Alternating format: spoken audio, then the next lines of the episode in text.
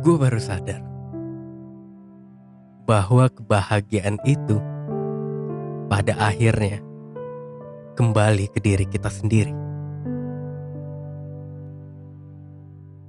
Dulu, jangankan untuk bersyukur, bahkan menyadari bahwa setiap detik gue bernapas pun enggak.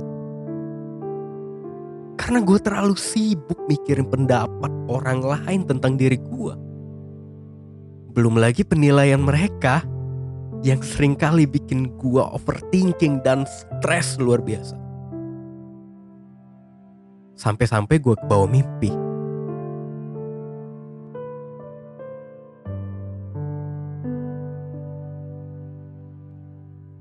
Gue tahu, gue adalah makhluk hidup dan gue sadar Tuhan menjadikan gue manusia dan Tuhan memberikan gue hati untuk merasakan apa itu kebahagiaan. Tapi rupanya gue salah mempergunakan hati itu selama ini. Dan itulah yang membuat gue merasa mati dalam menjalani hidup. Gue merasa selama ini sangat membenci kehidupan. Gue selalu membandingkan diri dengan orang yang lebih baik, selalu membandingkan diri dengan orang yang punya segalanya. Sampai-sampai gue nggak mengenali lagi diri gue sendiri. Sampai-sampai gue nggak mengenali apa yang sebenarnya gue inginkan dalam hidup ini. Setelah beribu senja, setelah berjuta tetes hujan yang meresap ke pori-pori gua, dan setelah miliaran detik waktu yang gak mungkin gue bisa hitung berapa jumlah pastinya, gue baru menyadari bahwa sebetulnya kebahagiaan itu adalah sesuatu yang kita bikin sendiri.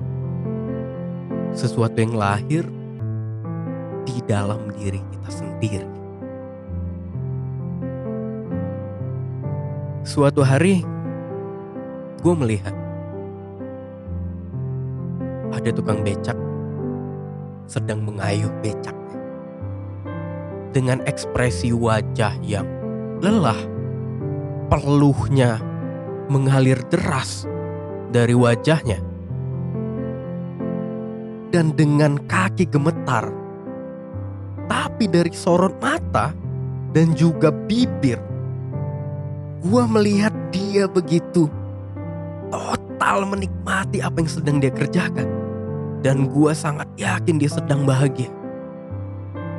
Ada juga di lain waktu, gua melihat lelaki keren dengan blazer hitam duduk termenung di sudut sebuah kafe dengan sorotan mata yang kosong dan begitu frustrasi. Dan sebelum dia masuk, gue ngeliat. Rupanya dia bawa Mercy, men. Gila, lu bawa Mercy. Dan lu masih menderita.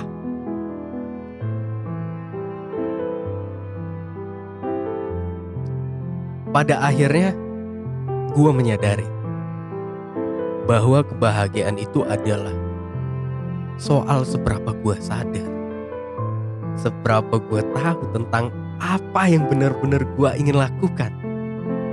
Bukan karena omongan mereka, bukan, bukan juga karena dikte mereka, bukan juga karena gue ingin menyamakan diri sama seperti mereka. Kebahagiaan akan hadir dengan sendirinya ketika gua tidak terjebak dengan ilusi masa depan dan ketakutan masa lalu. Yaitu ketika gua benar-benar total menikmati apa yang gua lakukan sekarang. Dan sekarang Gua amat sangat bahagia bisa ngomongin ini sama kalian semua.